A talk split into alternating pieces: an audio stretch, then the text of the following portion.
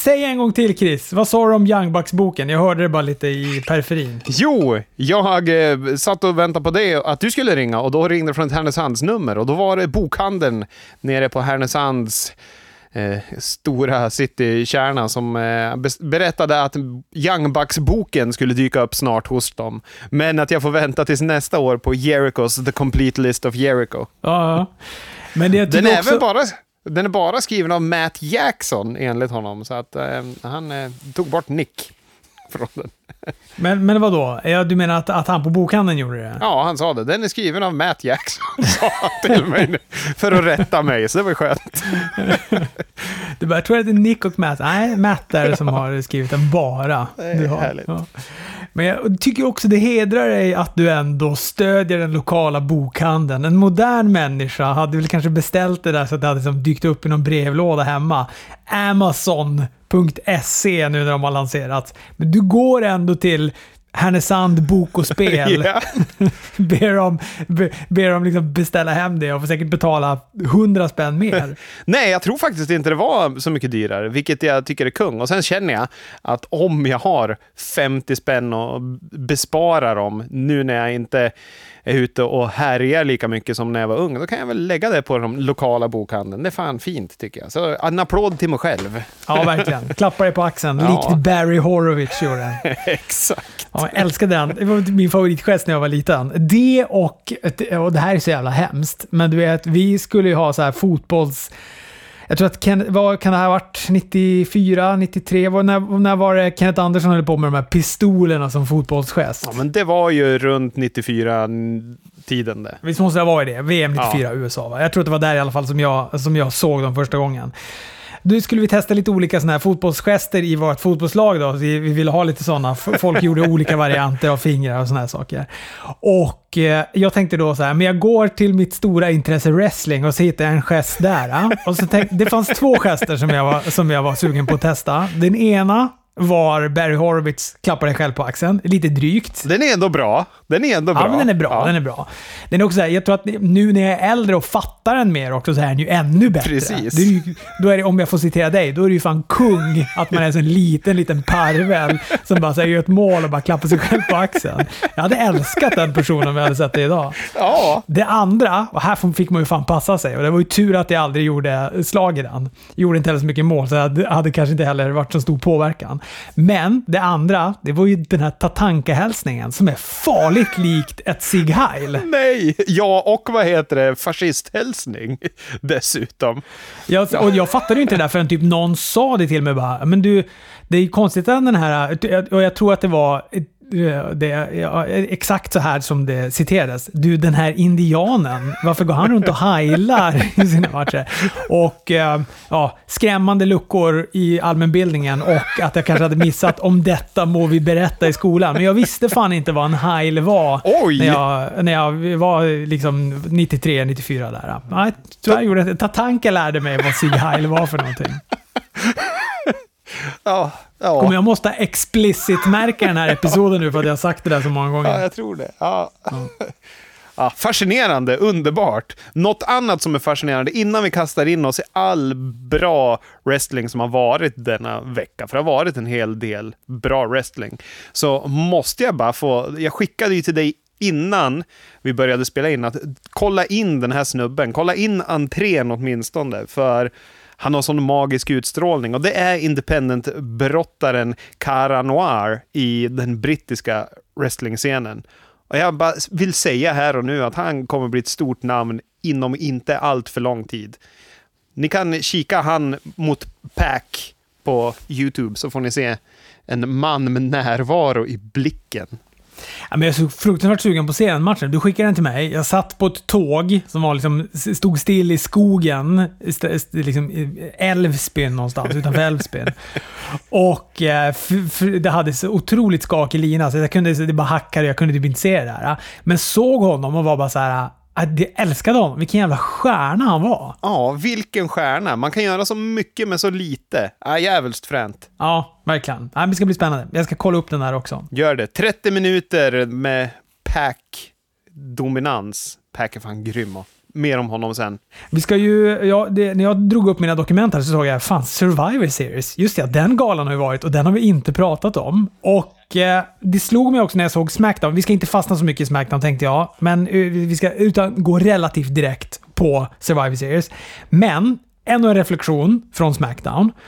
Och jag tror att du var inne på det här lite tidigare också, men, men här fick man ju det verkligen bara bekräftat att Big E är ju verkligen Nej, han är ju verkligen fast i sitt gamla hjulspår. Han är ju verkligen Big E New Day-versionen. Fast han har bara hittat två andra att vara med nu istället för att han hänger med Street Profits och gör exakt samma grejer, exakt samma kläder, exakt samma skämt. Det är så fruktansvärt tråkigt. Ja, han, för honom vart det, när New Day kom tillbaka, det var ungefär lika förödande som när Lucha House Party blev draftade till Raw. Det bara, nu kör vi samma grej igen, för det tycker alla är roligt. Ja, det är ja, trist. Ja, men det var en reflektion. Och en till reflektion, det är att Daniel Bryan hade ju klippt någon sorts ny fashionabel frisyr. Såg ju lite ut som Will Osprey tycker jag i, i, i det där håret. Ja, det gjorde han kanske. Nu när du säger det. Själv har jag ju råkat raka en Jerry Sags frilla på mig själv av misstag. Jag ska inte gå in i hela den långa historien, men jag har ju tyvärr det på mig. Och sen slog det mig när jag såg Dynamite att jag har fan en åldrande Jake the Snake-frilla. För jag har ju dessutom en jävla Movember-mustasch som hänger ner över läppen. Jag ser ut som Jake the Snake säkert såg ut för 20 år sedan. Fy fan. Underbart. Vem är Jerry Sachs av dem? Är det den blonda eller mörka i Nasty Boys? Det är den mörka hoppas jag, för det är han jag menar. Jag känner mig lite som honom. Men du, eh, apropå eh, Osprey höll på att säga, men apropå Daniel Bryan och eh, Smackdown där. Men han gick ju main event eh, på Smackdown mot Jay Oso i en match. Jävla bra match det var alltså. Ja. Alltså hela Smackdown. Jag tyckte det var bra igen. Ja, det är Fasen, ju det. Alltså, det, är, det är riktigt, riktigt kul. Jag tycker också att det var bra det var ju också fascinerande att vi fick ju för första gången i världshistorien en bra kontraktskrivning signerad WWE. Det har vi aldrig fått tidigare. De har ju alltid varit otroligt pajiga och värdelösa. Men alltså Roman och Drew här, de var så bra. Men de är ju stjärnor. Det är så jävla närvaro och man är så jävla fokuserad på TV när de här två... Ja, jättebra bara. Han är också en sån dryg jävel, Roman Reigns. Han är så dryg när han sitter där. Jag älskar också att han har tagit den där positionen. Alltså att han satt ju då inte mitt emot Drew, utan han var ju... At the head of the table. Head of the table, ja precis. Alltså att han skulle sitta där på sidan. Nej, jag tyckte det var underbart. Nej, jag tyckte det var hur bra som helst. Och att det är så här Ja, men du vet, det är Thunderdome. då kan, kan kontrollera helt och hållet nivån på publiken och såna grejer. Och då gillar jag att de inte håller på att liksom gapa i en mikrofon. Då kan de sitta där, lugn samtalston mellan varandra. Så det blev mer det blev mer som, jag, som att jag satt och kollade på någon eh, TV, tv-serie-episod eller något sånt där. Verkligen, och jag tycker att Roman, han har ju gynnats av att han kan prata, alltså att, att han kan prata med lägre ton. Jättebra tycker jag, för att han, han blir ju mer farlig på något vis också när man pratar sådär tyst. Ja, jag tycker också han drog längsta strået i det här. Han, han, jag, älskar Drew. Han är, han är fantastisk Drew. Men äh, Roman här, alltså, han var ja, bättre. Gud. Han var så jävla ja. bra. Han är så avslappnad också. Jag älskar att han är så avslappnad. Ja, han känns så fruktansvärt självsäker nu också. Ja, de har ju... Den som fick Vince äntligen kom med på det här ska fan vinna Nobelpris i wrestling. För det är så jävla bra nu. Och så måste jag också nämna det sista kapitlet i Seth Rollins sagan här mot Murphy. Den matchen var fan superb alltså. Jag tyckte den var så fruktansvärt bra. De har så bra kemi ihop de två och det är så jävla härligt att de låter Buddy Murphy få tv-tid på det där sättet, för han är en så pass bra brottare. Och Seth Rollins, han likt vad heter Randy Orton, tycker jag haft ett fenomenalt 2020. Ja, Ja, men riktigt bra. Hård match, bra dramaturgi. Rollins skrek och skällde på Murphy. tyckte jag var bra. Hade mycket övertag i början. Murphy lyckades komma tillbaka. Mot slutet satte han en jumping knee. Rollins återhämtade sig, gick för en curb stomp, men Murphy undvek den, satte ännu ett knä, följde upp med en Murphy's law och så fick han vinna. Nej, det var perfekt. Och så efter matchen firade alla, hela familjen Mysterio ja. firade i ringen efteråt med Murphy. Ja, det var bra. Ja, de har berättat en historia en längre tid och den fått bra slut. Fan, här, här är de så magisk som WWE kan vara ibland. Ja, men du, ska vi hoppa på Survivor Series? Det ska vi. Som eh, jag faktiskt såg den här uh, pre... Gjorde pre kan man, Ja, kan man ju ångra kanske i och för sig. Men, men det var ju sån här Interbrand Battle Royale. Ja, Ja, men jag satt och kollade på den. The Miss vann den. Jag vet inte, vi hette den ens Interbrand Battle Royale? Eller? Ja, det var Ingen fall. aning faktiskt. Det var i alla fall brottare från båda brandsen som gick en Battle Royale. Så det är en korrekt beskrivning av det i alla fall.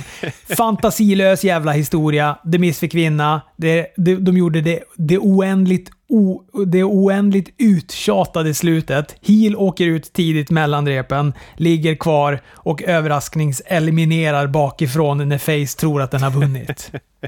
Ja, tråkigt. Han fick ju slänga ut Dominic. Dominic var ju den som var kvar sist. Aha, okej. Ja, jag har ju faktiskt inte ens... De har ju inte nämnt det när jag har tittat på vare sig Raw eller Smackdown. Eller jag har inte sett Smackdown den här veckan, men på Raw nämnde de det ju inte. Så jag har... Det där liksom existerar inte ens i min wrestlingvärld, den där Battle Royale. Eh, första matchen på Survivor Series main-kortet var ju herrarnas Survivor Series-match. Keith Keith Lee hade fått en helt ny låt. Klar förbättring tycker jag. Bättre? Ja, precis. Den var bättre. Men den var ju fortfarande sämre än den han hade på NXT. Men den var ju fortfarande en jävla förbättring mot för Jobber-låten han hade på main roster innan.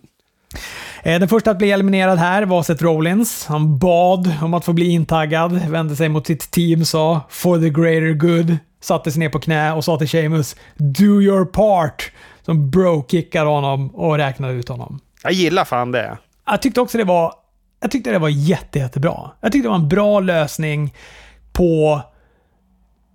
Jag tyckte det var en bra lösning på Seth Rollins karaktär. För jag vill hellre att han gör så här och går ut med liksom att man har dålig smak i munnen. Den här jävla fittan. Förlåt, nu är jag redan explicit, explicit märkt där, så nu kan jag ändå fortsätta. Nej, men du vet att man kan känna det hatet mot honom. Ja. Eh, alltså att han inte ska gå, alltså att han ska lämna Face. Han kan komma tillbaka Face om han vill om, om eh, flera månader. Och så här. Det, det, det kommer ändå vara, det kommer vara glömt om, men jag vill ha den här smaken i munnen av honom när han lämnar. För att han har varit så jävla, han har varit så fittig den senaste tiden. Ja, ja, jättebra. Perfekta eh, vad heter det, exiten för den där karaktären. Eh, ja, men det blev en clean sweep det här. AJ Styles eliminerade Kevin Owens, Riddle eliminerade Baron Corbin, Braun Strowman eliminerade Otis och Keith Lee eliminerade sen Jay Oso. Jag tycker slutet var ganska snyggt när Jay var ensam kvar mot alla. Delar ut ett gäng superkicks, får ner alla med ett dive, superkickar Styles på repet som då förbereder sig för en phenomenal forearm. Lee blind taggar in sig och det här såg då inte Jay. Han klättrar upp för att göra sin Oso splash. Lee fångar han i hoppet. Det är så jävla starkt att han gör det. Satte en spirit bomb, pinfall till tre och så var det över. Ja, jag tycker den här matchen, eh, trots att det var en clean sleep, sleep, nu det, nu har jag sluddrig mun idag. Trots att det var en clean sweep och vad heter det, jag inte var taggad innan så kände jag på något sätt när alla var i ringen att fan, det här kommer nog bli lite, lite roligt. Och sen så när, när de fortsatte och liksom gjorde det här, bara fan, kommer jag tycka det här är bra ändå när de åker ut hela tiden. Men jag tycker att slutet var bra och jag tycker att alla gjorde en bra match ändå. Ja, men jag håller med dig. Bortsett från ointresset så var det en väldigt bra match. Och jag tycker också det var en bra öppning på Survivor Series. Jag håller med. Sen fick vi New Day som gör entré i bizarra kläder. de är flankerade av Big E och ska då möta Street Profits. Men det var någon sorts tv-spelsgrej som de peggade upp för här med de här kläderna. Va? Ja, de har blivit spelbara karaktärer i spelet Gears of War 5. Eller undrar om det bara heter Gears 5 nu till och med. Men ja, det var tv-spelskläder. Och ja, de var bizarra. ja, det var de också. Profits hade övertaget i början tills Kofi släckte Montes Ford med ett dyk och New Day fick ta över matchen. Profits tog sig tillbaka efter några near falls. Ford duckade en Trouble in Paradise, gjorde en egen variant av den. Woods satte sedan en gutbuster på Ford, tog pinfall till ett near fall. Profits avslutade till slut Kingston med en Electric Chair Diving Blackbuster kombination. Jag vet inte om de kallar den här någonting än. Tog i alla fall pinfall till tre efter det och eh, ja, efter så kramades de. En eh, bra match tycker jag. Rätt tag team som vann också. Ja, ja, alltså, jag tycker den var väldigt bra. Eh, det är ju lite svårt sådär att få, få känslor i den här matchen också, men själva matchen i sig var bra. Jag tycker att eh, Montez Ford var bra på att eh, vara Face Imperial och spela den rollen. Jag tycker New Day var bra som heel, eller vad vi ska säga. Ja, men jag håller med om det där. Det, var så, det där tyckte jag man kände igen på fler matcher. Alltså det, det var som svårt ja, men som typ Sasha Banks och Aska också, det är ju också en bra match. Men det är svårt att känna någonting riktigt. För att det finns som inget som skaver i det. Det finns ju inget upplägg egentligen. Nej, och det, det är synd. Det var väl liksom den stora skuggan på den här galan. För i övrigt, alltså, det var ju bra matcher, men det var ju liten känsla. Och det är väl också kanske liksom hela... Alltså det finns som inget som står på spel. Men Royal Rumble, där har du ändå... Liksom så här, ja, men vinner du det här, det är en titel. Det finns liksom insatser i allting, men det gör det ju inte på Survivor Series. Det är bara en massa mästare som möter mästare. Då är det inga titlar på spel. I de här äh, Survivor Series-matcherna, där finns det liksom inte heller någonting. Det blir ju ingen fördel till något lag som vinner eller ja, det är liksom någon sorts ära och erfarenhet för brandet, men det är ju, det är ju ingenting. Vad betyder det? Det betyder ingenting. Nej, det är lite för mycket Dream Theater, för lite punk över Survivor Series. Ja. Vi fick också den här Intercontinental och United States Championship-matchen, Bobby Lashley mot Sami Zayn. Jag tycker att den här var ganska tråkig, den här matchen. Det här tyckte jag var galans svagaste kort. För alltså Sami är svag, han är feg, han ligger i underläge hela matchen. Han försöker få Hurt Business att slå han. Han ska vinna på en DQ. Och jag tycker att det är ett uselt sätt att behandla Interkontinentaltiteln på. Han är ändå inte kontinentaltitelmästare. Ja, jag tror att de målar in ett hörn med den här matchen. De har så, det är så, så två omaka mästare som ska mötas. Vad kan man göra med Sami Zayn i det här läget liksom? Ja. Ja. Och eh, vad heter han? Lashley vann också på ett, på ett hurt lock till slut. Ja, det var väl det enda rätta på något sätt. Ja, det var det väl. Sasha och Aska kunde ju då vända skeppet som hade börjat sakteligen glida lite ur kurs med den här matchen, tycker jag ändå. Jag hade väl kanske förväntat mig lite mer av den här, men jag tror att jag har orimliga förväntningar på Sasha Banks och Aska. För att ja, det är något med deras tidiga matcher där som har varit så fruktansvärt bra. Och nu är det ju ändå andra gången på, på ganska kort tid som man ser de här två möta varandra. Och det, jag tycker inte den där gnistan kommer till riktigt. Ja, men jag säger det igen, jag tycker att vad heter det, Sasha Banks är lite, lite halvkass på pay-per-views ofta. Jag tycker hon är bättre på veckorna. Det är som att hon, hon blir nervös på pay-per-views. Som att det är något som inte riktigt klickar. Banks försökte med en Meriora från barrikaden, men Aska fångade upp henne i en codebreaker. Banks med sen dubbla knän, följt av ett crossface. Aska försökte vända det till ett Askalock, men Banks gled ut. Aska satte ännu en codebreaker, tog ett pinfall till två och sen följde en serie med 36 sådana här nearfalls, pinfall-försök. 35 kickades ut. Sasha fick det sista efter att hon då vände upp och ner på Aska när hon tagit fart i repen och var förmodligen på väg att göra en Shining Wizard. Förmodar jag i alla fall. Så vinnare Sasha Banks i den matchen. Överraskande tycker jag, men eh, roligt också.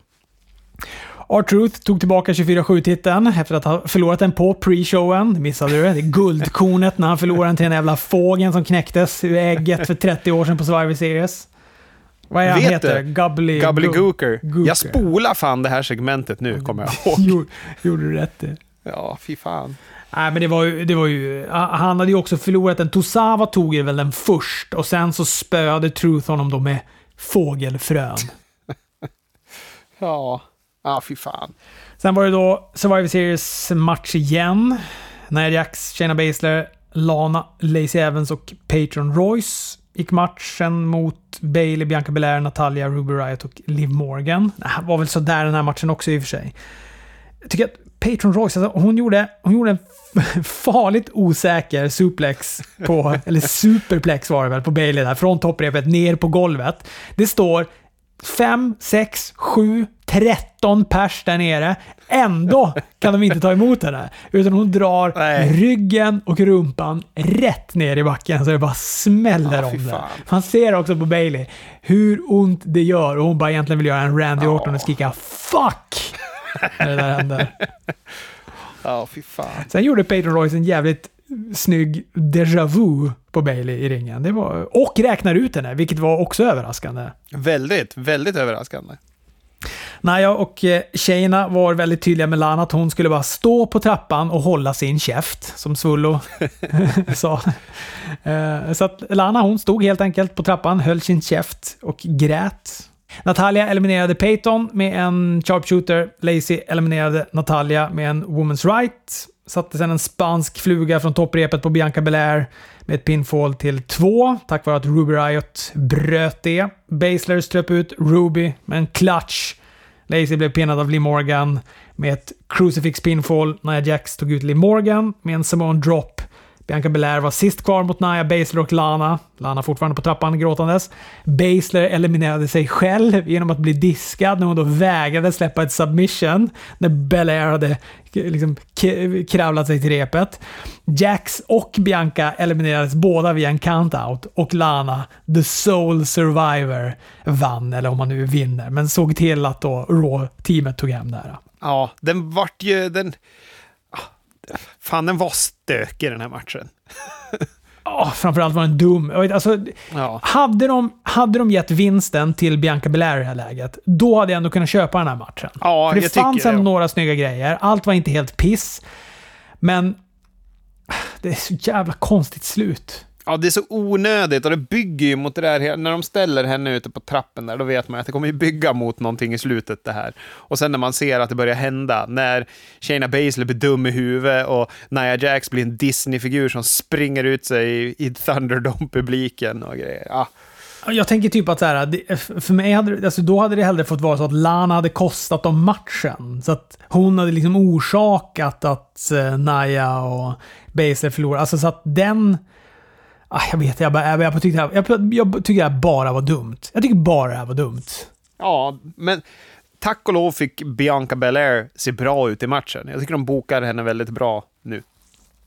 Roman Reigns, Drew McIntyre är väl den sista matchen. Nej, vi får ett Undertaker. Ja, det är den sista matchen, det är det ja. Men vi ska, det är liksom en timma kvar av galan också. Men det ska vi komma till. Ja, vilket var jättekonstigt när man satt och tittade och så såg man hur lång tid det var kvar. Ska de här gå en mastodontmatch eller vad fan är det som kommer ske? Hur långt ska den här avtackningen vara? Ja, det var, den var helt bisarr lång.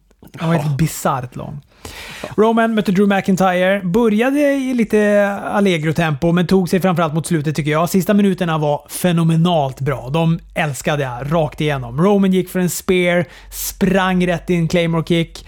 Roman föll bakåt in i domaren som då däckade. Jay Oso tog chansen, springer in, men, men McIntyre bara sänker han sekunden som han sätter foten på ringkanten. Jag tycker det är fantastiskt gjort av honom. Roman drar då på ett low blow och eh, Jay med en superkick, Roman med en superman punch. Sen låste han in han i en giljotin. Ny domare kommer in springandes. McIntyre kämpade. Men till slut somnade han och domaren slog av matchen. Vinst Roman Reigns. Bra match, bra avslut. Bra att han också sänkte Jay direkt. Han satte foten på ringkanten. Jag tyckte det var så fruktansvärt roligt. Det, det som slog mig där när han hade den här guillotine-choken på honom är att Roman såg ganska liten ut jämfört med Drew då. Det såg ut som att han bar ett litet barn. Det är sjukt. Nej, men jag håller med. Det här var ju, jag tycker det var en, en bra match. De byggde ju mot det här crescendot som var slutet. Och det var, det var fan härligt att se de här två kötta på mot varandra, tycker jag. Sen fick vi då Undertakers Final Farewell. Det är 30 minuter entré från gamla kompisar och antagonister till Undertaker. 30 år ska nu firas, skriker Michael Cole. och så drar de då på ett videopaket. Efter det här videopaketet, då är ingen av alla de här som har gjort entré i 30 minuter kvar i ringen. Istället står en ensam Vince McMahon där.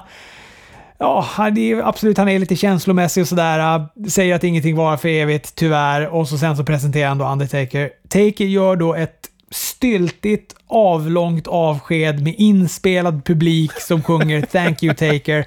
Det är flera gånger som han liksom så tittar upp så här, och du vet, åker med ögonen som att han typ inte vet riktigt vad han ska göra. Eller som att så här, han ser så jävla osäker ut med blicken också tycker jag under hela det här segmentet. Nej, det... Ja. Ja, jag vet inte. Kunde han inte bara fått sluta på WrestleMania, känner jag? Eller typ så här, måste... Ja, ja okej, okay, det är 30 år sedan som han gjorde sin debut. Men det här hade kunnat vänta. Ni hade kunnat göra det här på ett WrestleMania med publik istället.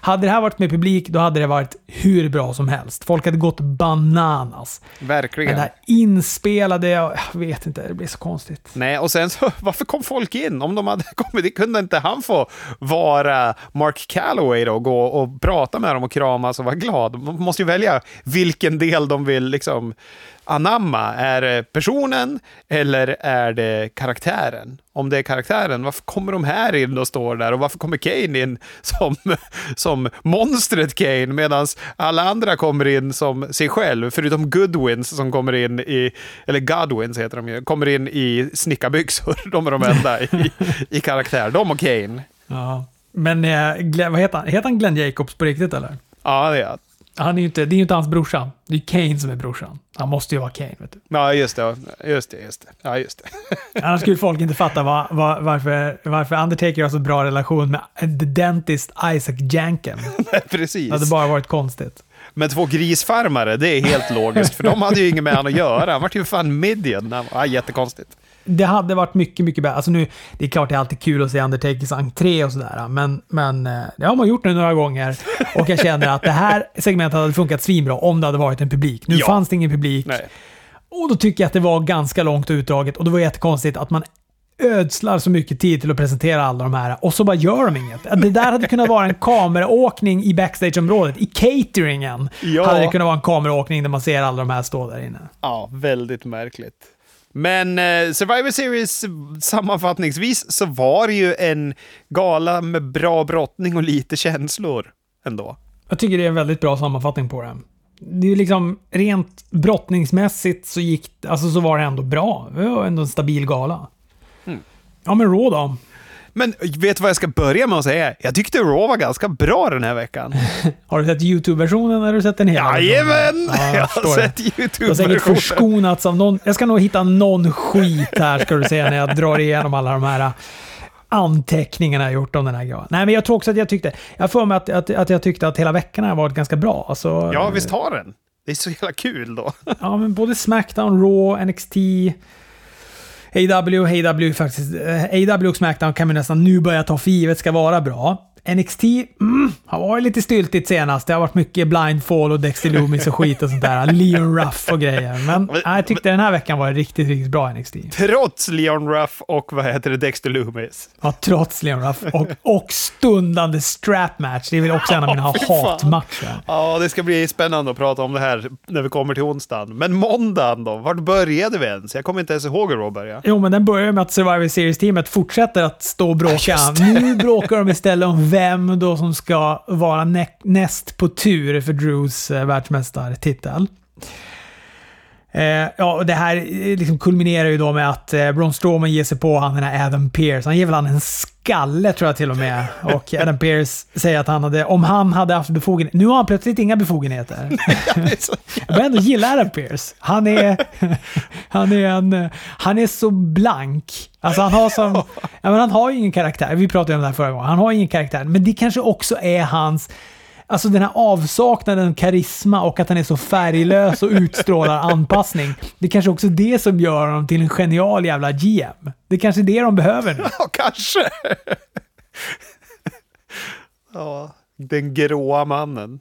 Shelton Benjamin och eh, Cedric Alexander som Hurt Business gick mot eh, New Day. En, eh, en ganska bra men stökig match.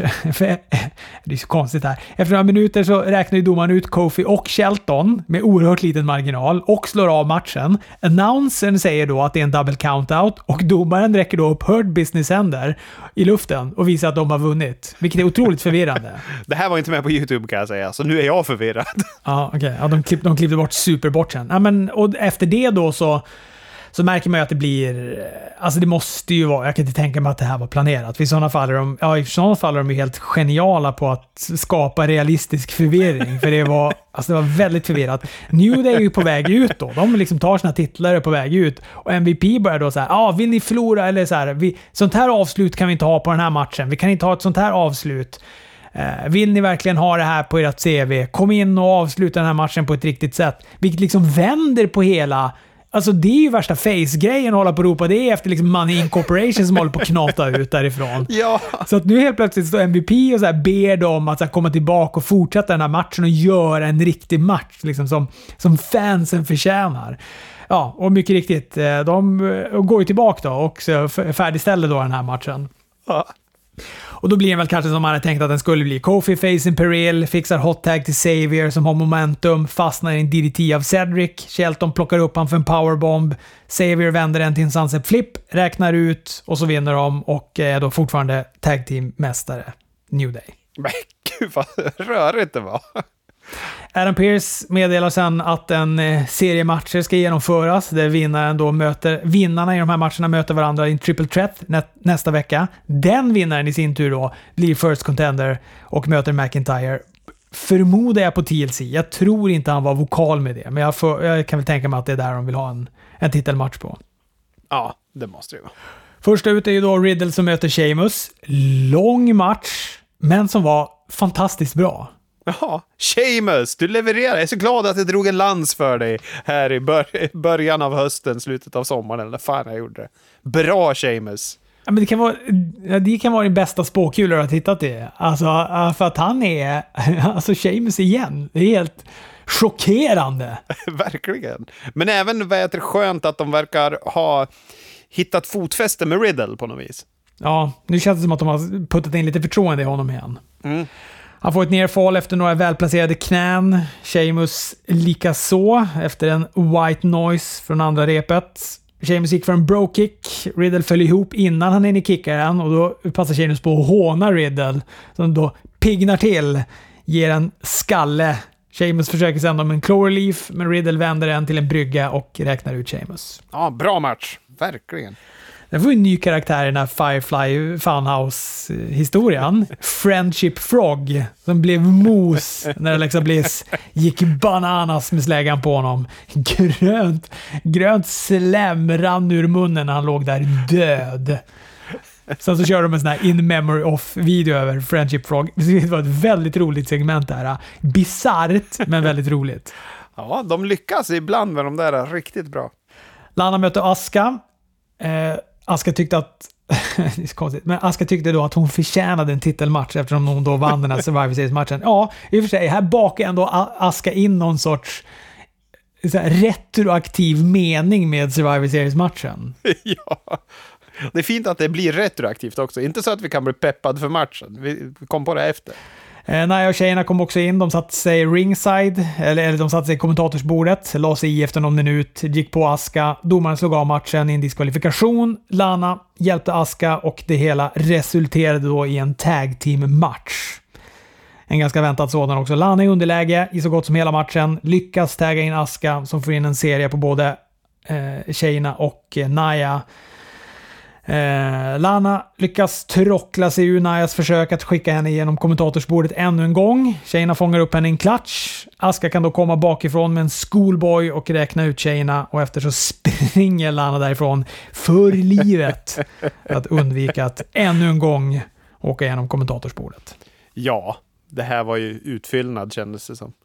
Vart ska det leda liksom? Man är inte så sugen på att se Lana mot någon av tjejerna och Naya. Så jag menar, vad fan får vi ut av det här? Ja, nej, ingen som helst aning. ingen som helst aning. Lashley möter Keith Lee. Det var också en sån här kvalificeringsmatch. Eh, kul match tycker jag. Dålig finish. MVP gav sig på Lee, vilket resulterade i en diskvalifikation.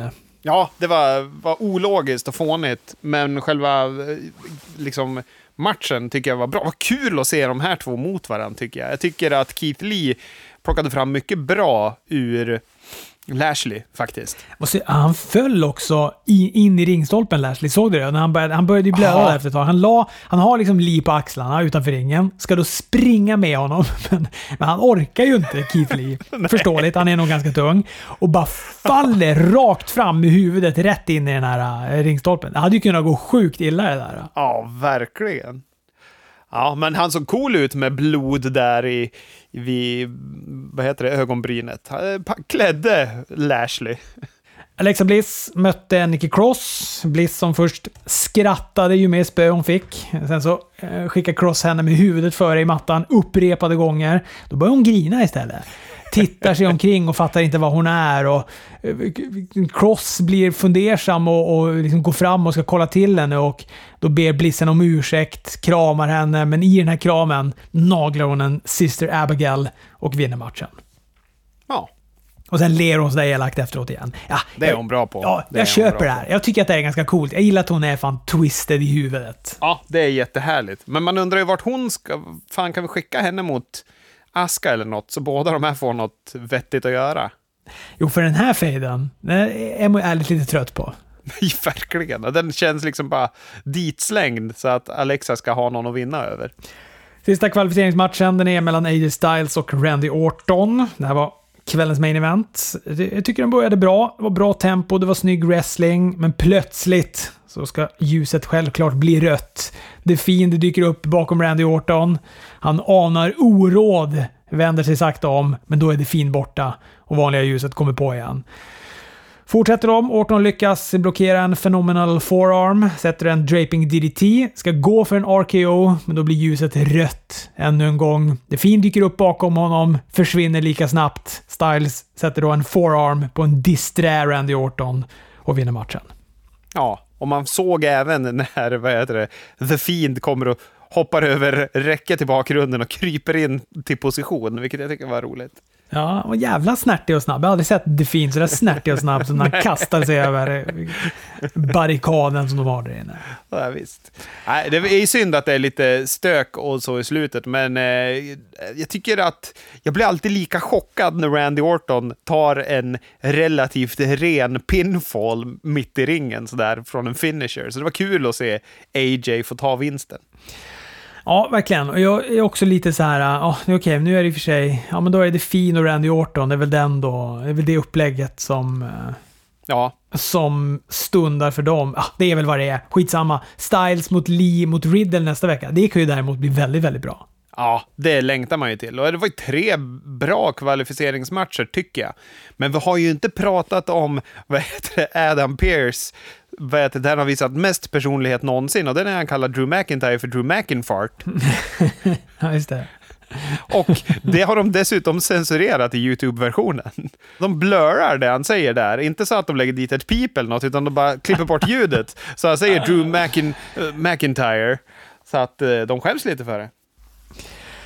Ja, men vi hoppar väl över till onsdagens två bataljer mot varandra där. Och ja. AW och NXT.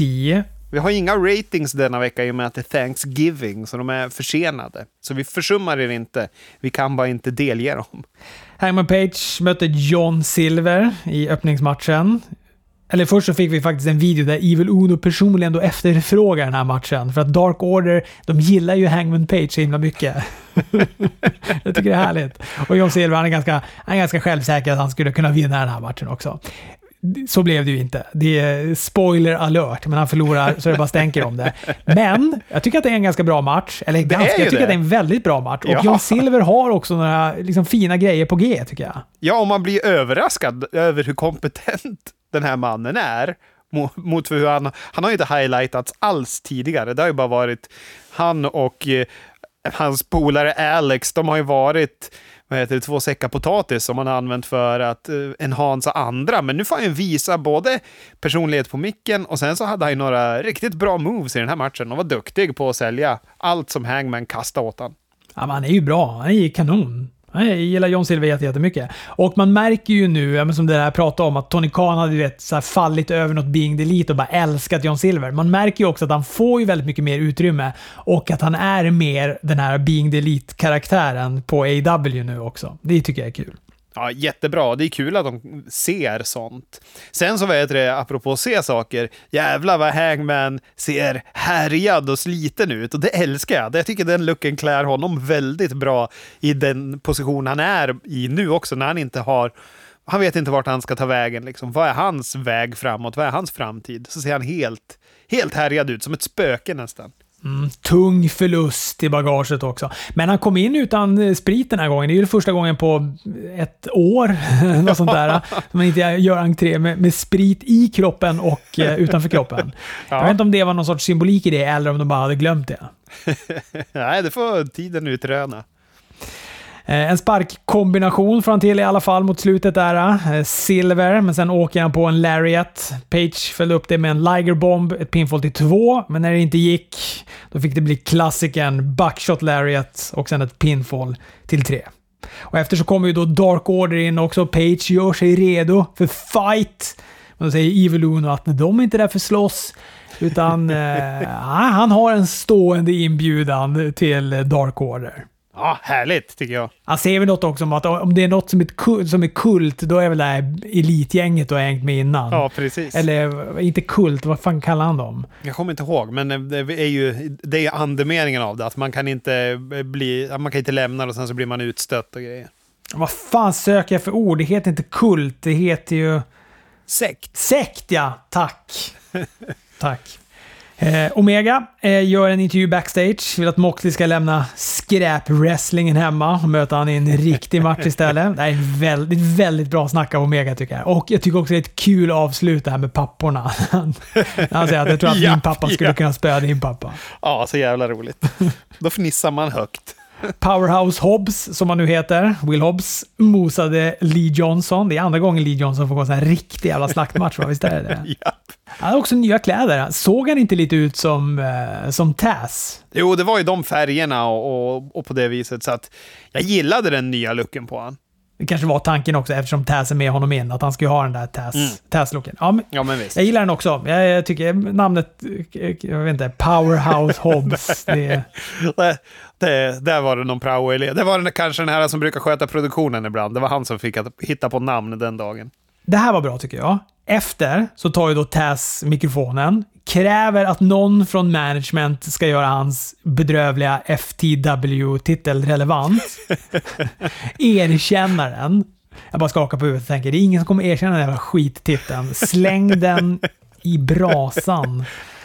Ja, han pratar på i alla fall tills de väljer att klippa hans mikrofon. Då hämtar han en ny, och fortsätter att snacka i den tills de väljer att klippa den också. Efter ett tag så kommer då Cody ut. Han har headset och han ser väldigt så här... Han är liksom production Cody när han kommer ut här. Mm. Eh, och liksom frågar vad det, är, vad det är frågan om. De tjafsar, han och Taz, eh, fram tills att eh, Cody säger att hur kommer det sig att din son har valt att träna tränas av mig istället för att tränas av dig. Eh, och det här då får ju Taz ur balans. Han sänker mikrofonen, han säger att äh, det där var lågt. Hur kunde du ta upp, hur kunde du dra in min son i det här? Eh, du har liksom, you cross the line eller något sånt där säger han. Och så ska han gå därifrån. Eh, Cody vänder sig om, gör liksom så här, ja, vi avslutar det här segmentet nu, cut gest med handen över halsen och då bara låser Taz upp honom i en, eh, vad heter den där? Taz Mission, är så den heter eller? Ja, precis. Taz Mission. Gamla greppet. Ja. Och håller i, då, håller i det då, stryper ut Cody tills Gun Club och Dustin kommer springandes. Då drar Taz och sonen som då plötsligt har dykt upp där. Han stod, stod utanför. Var det Hook han hette eller? Ja, visst hette han Hook. Jag satt precis och tänkte, vad fan hette han? Hette han Tag? Vad fan hette han? Men Hook, det stämmer ju. Som Kapten Krok. ja. men jag tycker det här var ett jättebra segment. Ja, alltså jag vet inte riktigt vad det betyder eller vilken riktning det ska, men jag älskade det. Jag tyckte att det var svinsnyggt. Ja, jag tycker Taz var, var grym. Han, hade, han stakade sig lite i början, men sen kom han igång. Och speciellt när Cody kommer ut och de börjar eh, käfta mot varandra, då är båda så jävla bra. Då satt jag och hade lite gåshud och känner bara, fan det är så jävla härligt med en hobby som man får gåshud av. Och, och, men jag hade ju så här bara, oh, han kommer ju ge sig på honom bakifrån nu. Kan han snälla göra ett suplex? Men det är klart han inte gör det. Men det hade varit ännu maffigare om det var det istället för en task mission. Men eh, ah, jag tycker det var superhärligt att se. Men det här kommer ju leda till eh, Cody och Darby mot Taz-alliansen här. Och förhoppningsvis kanske vi får se något av den här Hook då. Om, han såg ju dock väldigt ung ut, måste jag säga. Ja, ja väldigt. Här har man gått omkring och tyckt Dominic ser ung ut. Hybrid 2 mötte då Top Flight, Darius och Dante Martin. Det var flipp och flopp så hej och hå, precis som man typ förväntar sig inför en sån här match mellan de här.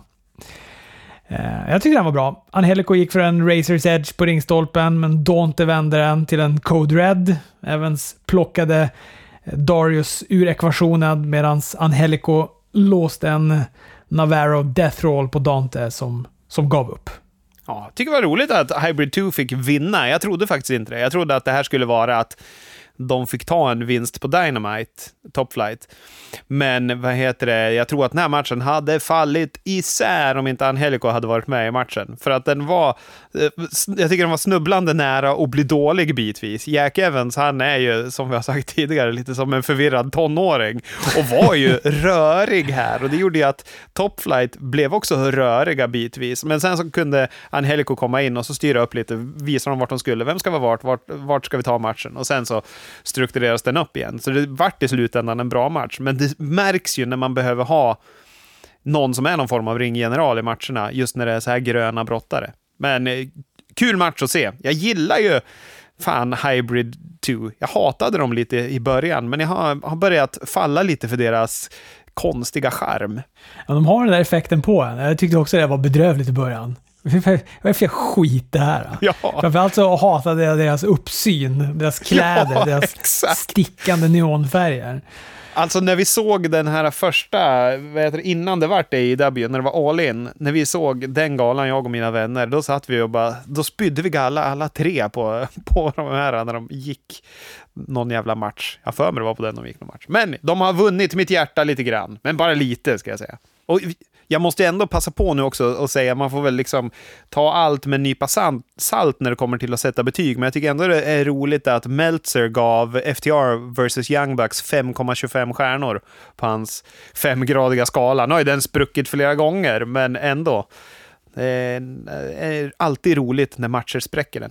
Ja, det var en bra, det var en bra match. Det var det Jag hade också gett en fem, men jag ger ju å andra sidan alla matcher fem, eller ettor. Det är som Rolf Nilsén som var en, eh, en eh, kritiker på Norrbottens-Kuriren som, eh, som, som recenserade film. Jag tror han gav allt en etta utom västernfilmen. De fick femmer. Spelar ingen roll vad det var, för, bara det var en västernfilm, då var det en femma direkt. Ja, underbart. Men vad har för, eh, vilka matcher har gått över, det kanske du inte kan sådär bara utan till men... Nej, men... men det är ju Okada och eh, Omega, de har ju fått sex stjärnor. Undrar om inte det är någon som har klivit över sex stjärnor också i fjol. Men jag kommer inte ihåg. Men det är några som har klivit upp där på sex stjärnor och över fem ibland också. Vicky Guerrera och Eh, Nyla Rose är tydligen kompisar igen. Det där vet du, det var de i förra veckan också. Det, det där tappar de bollen med. Varför skulle de hålla på och bli osams om det inte ledde någonstans? Ja, just det, för de stod där förra veckan och hjälpte hon Jade, eller de höll bort folk när Jade höll på att misshandla Brandy Rhodes. Ja. Exakt. Just det, så då var de ju kompisar redan där också. Jag tänkte inte på det. För nu tänkte jag bara att det var parterr, att de liksom behandlade det som om ingenting. Hon flätade ju ändå till henne ganska rejält efter förra. Ja, underligt. Pay per view matchen där. Ja, väldigt underligt. Chris Jericho och Jake Hager med resten av Inner Circle till ringen mötte och besegrade SCU, Christopher Daniels och Frankie Kazarian. Inner Circle där utanför. De är inte sena med att lägga sig i den här matchen heller. jag tycker att den här var en bra match. Jag trodde ja. att det skulle vara lite halvfart på den här. Men ja, det kanske också var lite halvfart, men jag gillade den ändå. Ja, jag tycker den var, var, Den överträffade mina förväntningar. Och jag, fan, jag tycker Frankie Kazarian är jättebra. Det ska bli kul att få se honom mot Jericho, för det blir ju vad heter, fallouten av den här matchen. Det känns som de två kan göra någonting bra tillsammans. Och sen så vet det, det var ju även spännande att Jericho och Daniels har ju aldrig mötts innan den här matchen. Så det var ju liksom en kul grej det med. Det är ändå fascinerande. När man har hållit på plus 30 år båda två, va? eller? Ja. Då sa de inte någonting. 58 år tillsammans eller något sånt där. Ja, precis. Ja. Så stor är den ju inte wrestlingvärlden ändå. Nej, precis. De har bara gått om varandra hela tiden, de här. Men jag tror ju att det är väl enda anledningen till att Daniels kliver in i ringen här. Han verkar ju verkligen ha skalat bort själva brottningen nu. Han. Eh, Daniels satte en eh, diving flatliner och en eh, best moonsault ever på Hager. Men Jericho bröt i pinfallet. domaren Aubrey Edwards var upptagen med att få ut herr Jericho ur ringen. Då passade MJF på att sänka Daniels med den här diamantringen. Och Jericho smög också in en Judas-effekt och Hager tog pinfall till tre. Och, eh, och de vann matchen. Ja, bra match tycker jag. Underhållande. Jag tycker även att själva inner circle-interaktionen eh, är rolig runt ringen. Att vad heter det, Santana och MJF står och kramar om varandra och så. Mm. Ja, men det är coolt. Visst eh, annonserade de inte någon sorts ny sån här diamant Eh, jo, precis. Nästa vecka får vi en ny sån Battle Royal. Kommer han bli av med ringen då? Måste han likt en vandringspokal lämna ifrån sig ringen eller? Det, det, är oklart. Måste de då liksom eh, smida om den, tänkte säga, knipsa den och hålla på och göra den så den passar rätt finger och grejer? Ja, får se. Det beror lite på vad de har för typ av ekonomi kanske, AW. Ja. Har de råd att köpa in en ny sån diamantring? Råd att köpa ett Xbox till sin... Ett Xbox, en ny Xbox till sin, eh, till sin man. Det är i alla fall eh, Lana. Nu vet hon att hon har fått så mycket tv-tid på Raw. Vi får ju Miro och Kip Saban som röker ihop med Best Friends backstage. Miro, Kip och Penelope de eh, ska då spela det här nya Xboxet. När Orange Cassidy kommer in och bara trycker på stänga av-knappen. Miro skriker “My, my wife bought me that” jagar efter Cassidy, där då Best Friends väntar utanför och så blev det stökigt. Alltså det är så ointressant det här. Alltså, jag tycker att den här fejden är extremt ointressant, men jag tycker att de verkar ha roligt, så de får hålla på ändå tycker jag. De har hållit på väldigt länge också. Det kulminerar ju fan aldrig i någon match det här. Men det gör ju inte det. Vad är det med att sätta best friends i sådana här fejder som håller på lite för länge också hela tiden? Gör någonting med det här nu, så får vi gå vidare. Moxley och Kenny Omega gör ett nytt försök till att skriva kontrakt. Moxley dök upp bakom Omega i den här siluettentrén och började slå på honom, vilket såg sjukt coolt ut tycker jag. Ja, det var snyggt. Eftersom släpade han in honom i ringen, klippte en strålande promo. Gud vad jag ser fram emot den här matchen. Och vi får den nästa vecka. Det är så mumma. Ja, det kommer vara härligt. Jag tyckte dock att promon var lite låg energi, men jag, vet inte. Jag, jag kanske hade en dålig smak i munnen av Best Friends. Men jag, ser, jag tycker att de gjorde det de behövde för att bygga inför den. Eh, jättebra. Jag tycker det var spännande att Omega, eller förlåt, att, eh, att Moxley sa att ja, men han är ju stensäker på att det är han då som har tagit ut, tog ut honom backstage då förra veckan. Eller att han har late någon att göra det. Och så säger han typ nästa gång du vill ha en, du vill ha, leja en hitman, kontakta mig då för då kan jag liksom fixa någon som, som, löser, som, som löser biffen åt dig. Men jag menar, här löste ju biffen helt perfekt förra veckan. Han blev ju utslagen och kunde inte ta sig in. Ja, men han menar ju på att han, nu kunde han ju ta sig in. Det har inte, det har inte dödat mig än liksom. Nej, men han kan ju inte döda honom för då kan han ju inte ta titeln av honom. nej, nej, det är ju en poäng. Men innan det här också så har vi haft något segment med Eddie Kingston backstage, för då kommer ju, vilket jag tycker var en väldigt bra konfrontation med, mellan honom och Moxley, när Moxley avbryter Eddie Kingston och eh, Eddie Kingston bara “Du vet att det inte är jag, du vet vem det var som gjorde det”. Tycker det var en himla bra exchange där. Vi får en eh, Women's Championship-match. Hikaru Shida mot Anna Dark Order nummer 99, Jay. Hon har Taya Conti med sig också i ringen. Det här var väl en okej okay match. Det var mycket utfyllnad. Man förstod också att Anna Jay inte skulle ta den här titeln. Men de ville ändå ge sken av att det kunde hända. Shida tar sig ur en Queenslayer, satte en German, en underarm, tog pinfall till två, satte sen en Tamashi och där var det över. Och efteråt så då kryper den här Suyang-kopian Abaddon in med blod rinnande ur käftamentet, slickar på Shidas titel. Ja, det var lite bisarrt. Och så var det lite för länge hon behövde spela rädd, tycker jag. Det är svårt att spela rädd om man inte är någon Oscar-värdig skådespelare. Så det var lite synd. Men eh, man har ju sett så lite av Abaddon, så man vet inte vad man kan förvänta sig av den här matchen. Jag vet, jag kanske också är orättvis när jag kallar henne för en Suyang kopia, men jag tycker att Suyang gör den där karaktären redan och hon gör den så mycket, mycket bättre. Ja, det ska... De måste bygga det här lite mer, så får vi se. Jag är, jag är fortfarande neutral till det.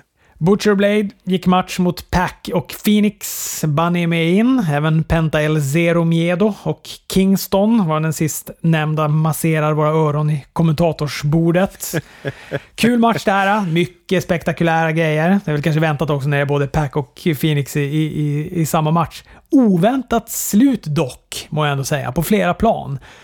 Alltså, Phoenix blindtaggar ju, tog ut Blade. Kingston sprang då ner till ringen, distraherade domaren så Butch och Blade kunde sätta sin powerbomb neckbreaker kombination och vinna matchen. Det trodde jag verkligen inte. Jag trodde inte att Phoenix och Pack skulle förlora det här. Nej. Jag är stensäker på att de skulle vinna. Så där blev jag eh, min, min första förvåning. Sen så fortsätter de här att ge sig på dem och då kommer Lance, Lance Archer in, räddar Face-gänget. Tar ut Butcher och Blade och sen han ser ihop dem med Kingston vad hände här? Är han face nu då, Lance Archer, eller? Eller är jag för snabb och drar de här slutsatserna? Nej, men jag tror inte att... Jag tror ingen är face. Jag hade den här diskussionen med min källa tidigare idag. Att, vet du, för han var lite förbannad över att fan, nu håller de på att turna Lance Archer face. Och jag, jag står fast vid det jag sa till honom. Jag tror inte att någon är face i den här faden. Eller vad man ska säga. De är bara olika nyanser av grått. De står på olika sidor. För jag har svårt att se att Death Triangle kommer vara face i någon annan match än mot just vad heter det, den här The Family, eller vad fan de heter.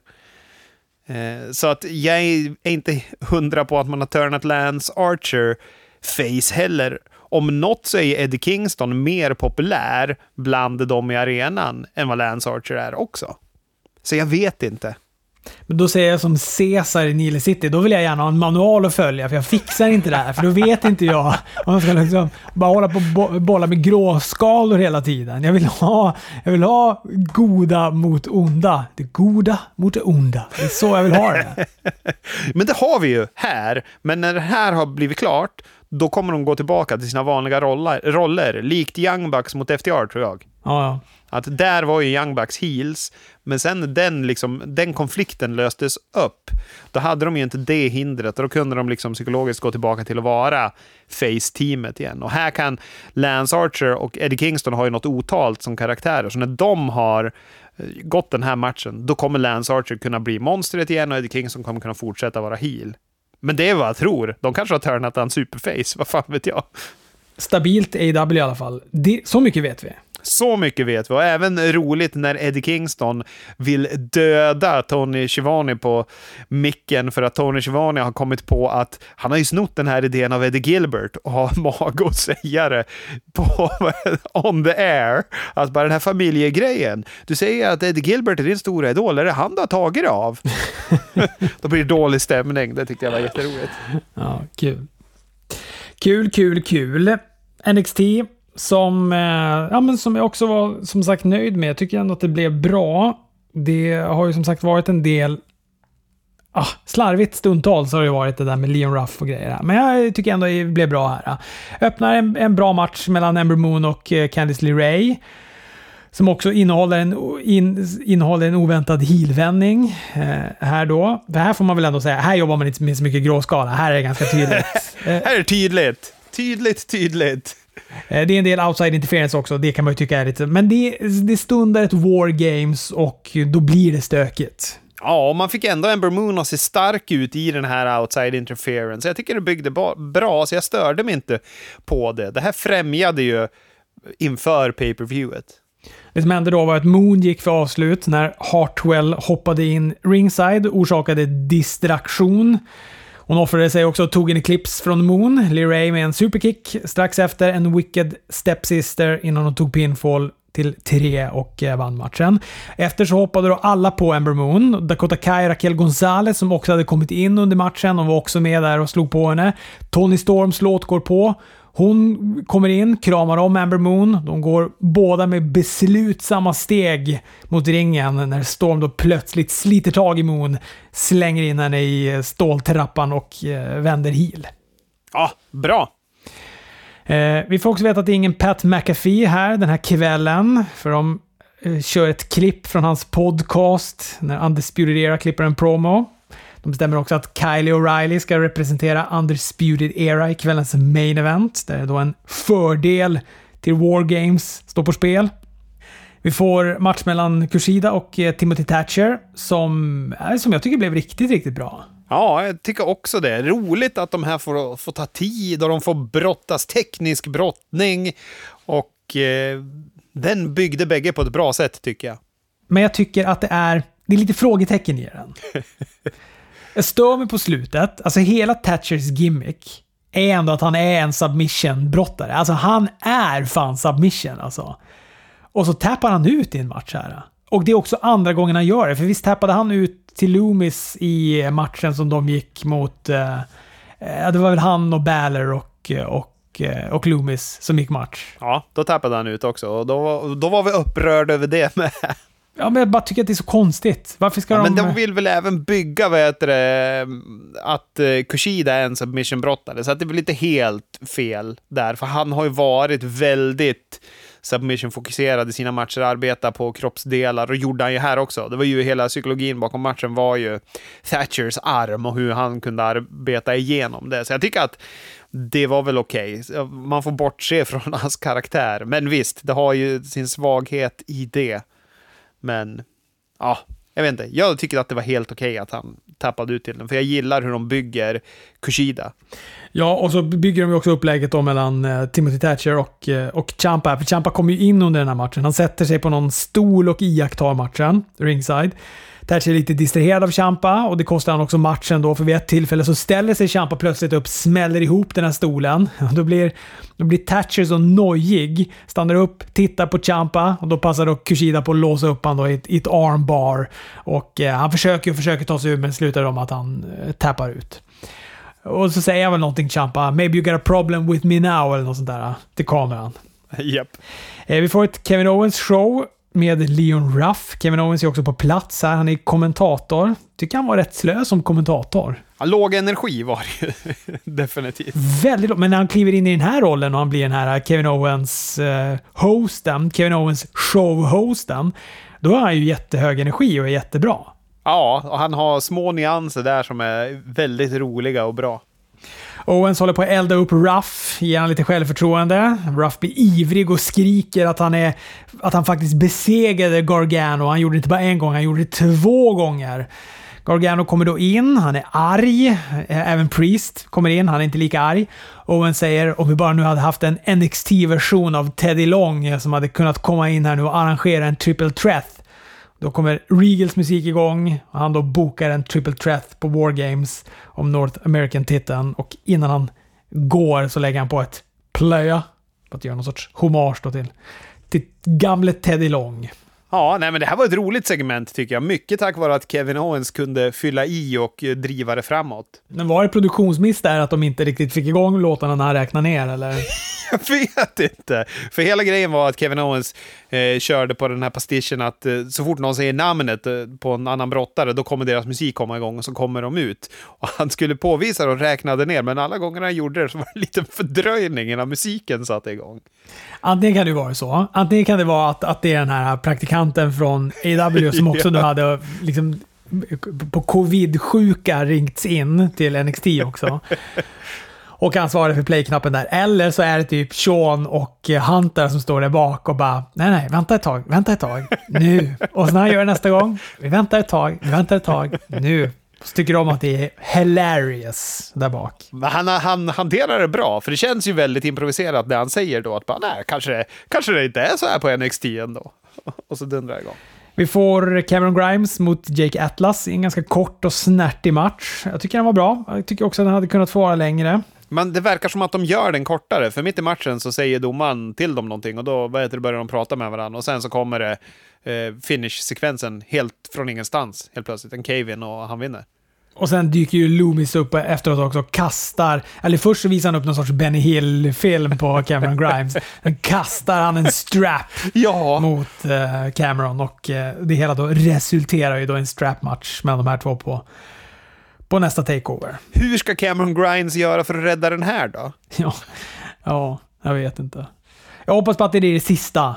Kan det där, eller ska det bli en steel cage efter det där också? Sen är det över, eller? Nej, nu, jag, de kan gärna få låta Cameron Grimes förlora nu bara om det betyder att vi kan gå vidare ifrån det här. Rhea Ripley har en promo i ringen. In kommer Candice och Storm. Tätt efter så kommer också Gonzales och Dakota Kai. De har en medvetslös Io Shirai över axeln. Hon är verkligen medvetslös. Alltså hon, är, hon, är däck. hon liksom flyter över axeln på Gonzales. Och sen när de liksom lägger ner den också, för de går ju då in och spöar på Ripley rejält också i ringen. Då tänker jag hela tiden, nu kommer hon snart, snart pignar hon till och så kommer hon in och hjälper. Nej, hon är, hon är död när hon ligger uppe på rampen. Det var kul. Det var ju de där som vad heter Kenny Omega skulle ha anlitat. Hur menar du då? Ja, ja, ja, ja till... Just det, för att sänka, sänka Moxley. Ja, precis. Exakt. Gonzales. Det enda du behöver. ja. Vi får, eh, ja, vi får ett videosegment med Sayali och Boa och någon kvinnlig Emperor-version. Ja, vad var det här? Det här är jag, det här vill jag se vad det kommer bli. Men jag tycker det här är så jävla underligt. Jag tycker hon såg cool ut och då, då, då, då köper jag det. Ja, men det, jag kan ju inte låta bli att bli lite kittlad och vilja veta vad som händer. Vad är det som kommer ske här? Och de, såg, de här, om Hangman Page såg härjad ut så såg ju de här ut som om man var med i 30-åriga kriget eller någonting. Ja, helt bisarrt.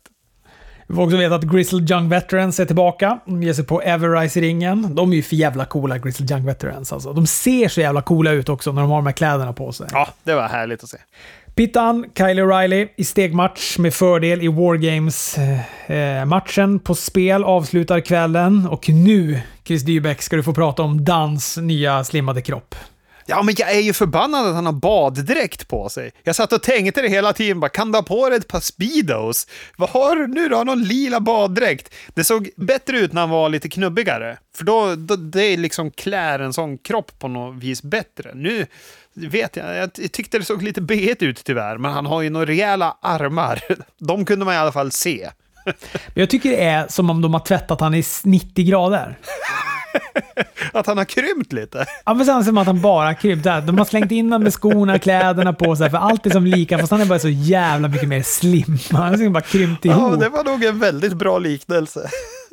men det är bra match. Jag gillar matchen jättemycket hisnande segment. Kul! Kul också avslut på, eh, på NXT där tycker jag. Slutade med att Riley klättrade upp för, ja, jag vet inte vilken gång i ordningen, eller försökte klättra upp då för den här stegen. Dan stoppar han med en stol, kastar ut han, börjar själv klättra upp och Riley kommer in, välter stegen så Dan åker baklänges in i en stege som står lutad mot ringstolpen. Svettigt när de gör de där spotsen alltså. Verkligen. Riley ska klättra upp, men då kommer en maskerad man, samma mask som McAfee hade på sig senast, puttar ner O'Reilly och Dan kan klättra upp och hämta väskan. Bra inför War Games. Den här äh, matchen bygger de ju jävligt bra. Men man ska tro att det där var Pat McAfee, va? Eller? Ja, det ska man ju tro. Han hoppade ju upp sådär jämfota på ringen som Pat McAfee gjorde och, och så vidare också. Och de andra i hans gäng stod ju på några plattformar bakom där Undisputed Era stod också. Så de inte skulle kunna vara med och interfera.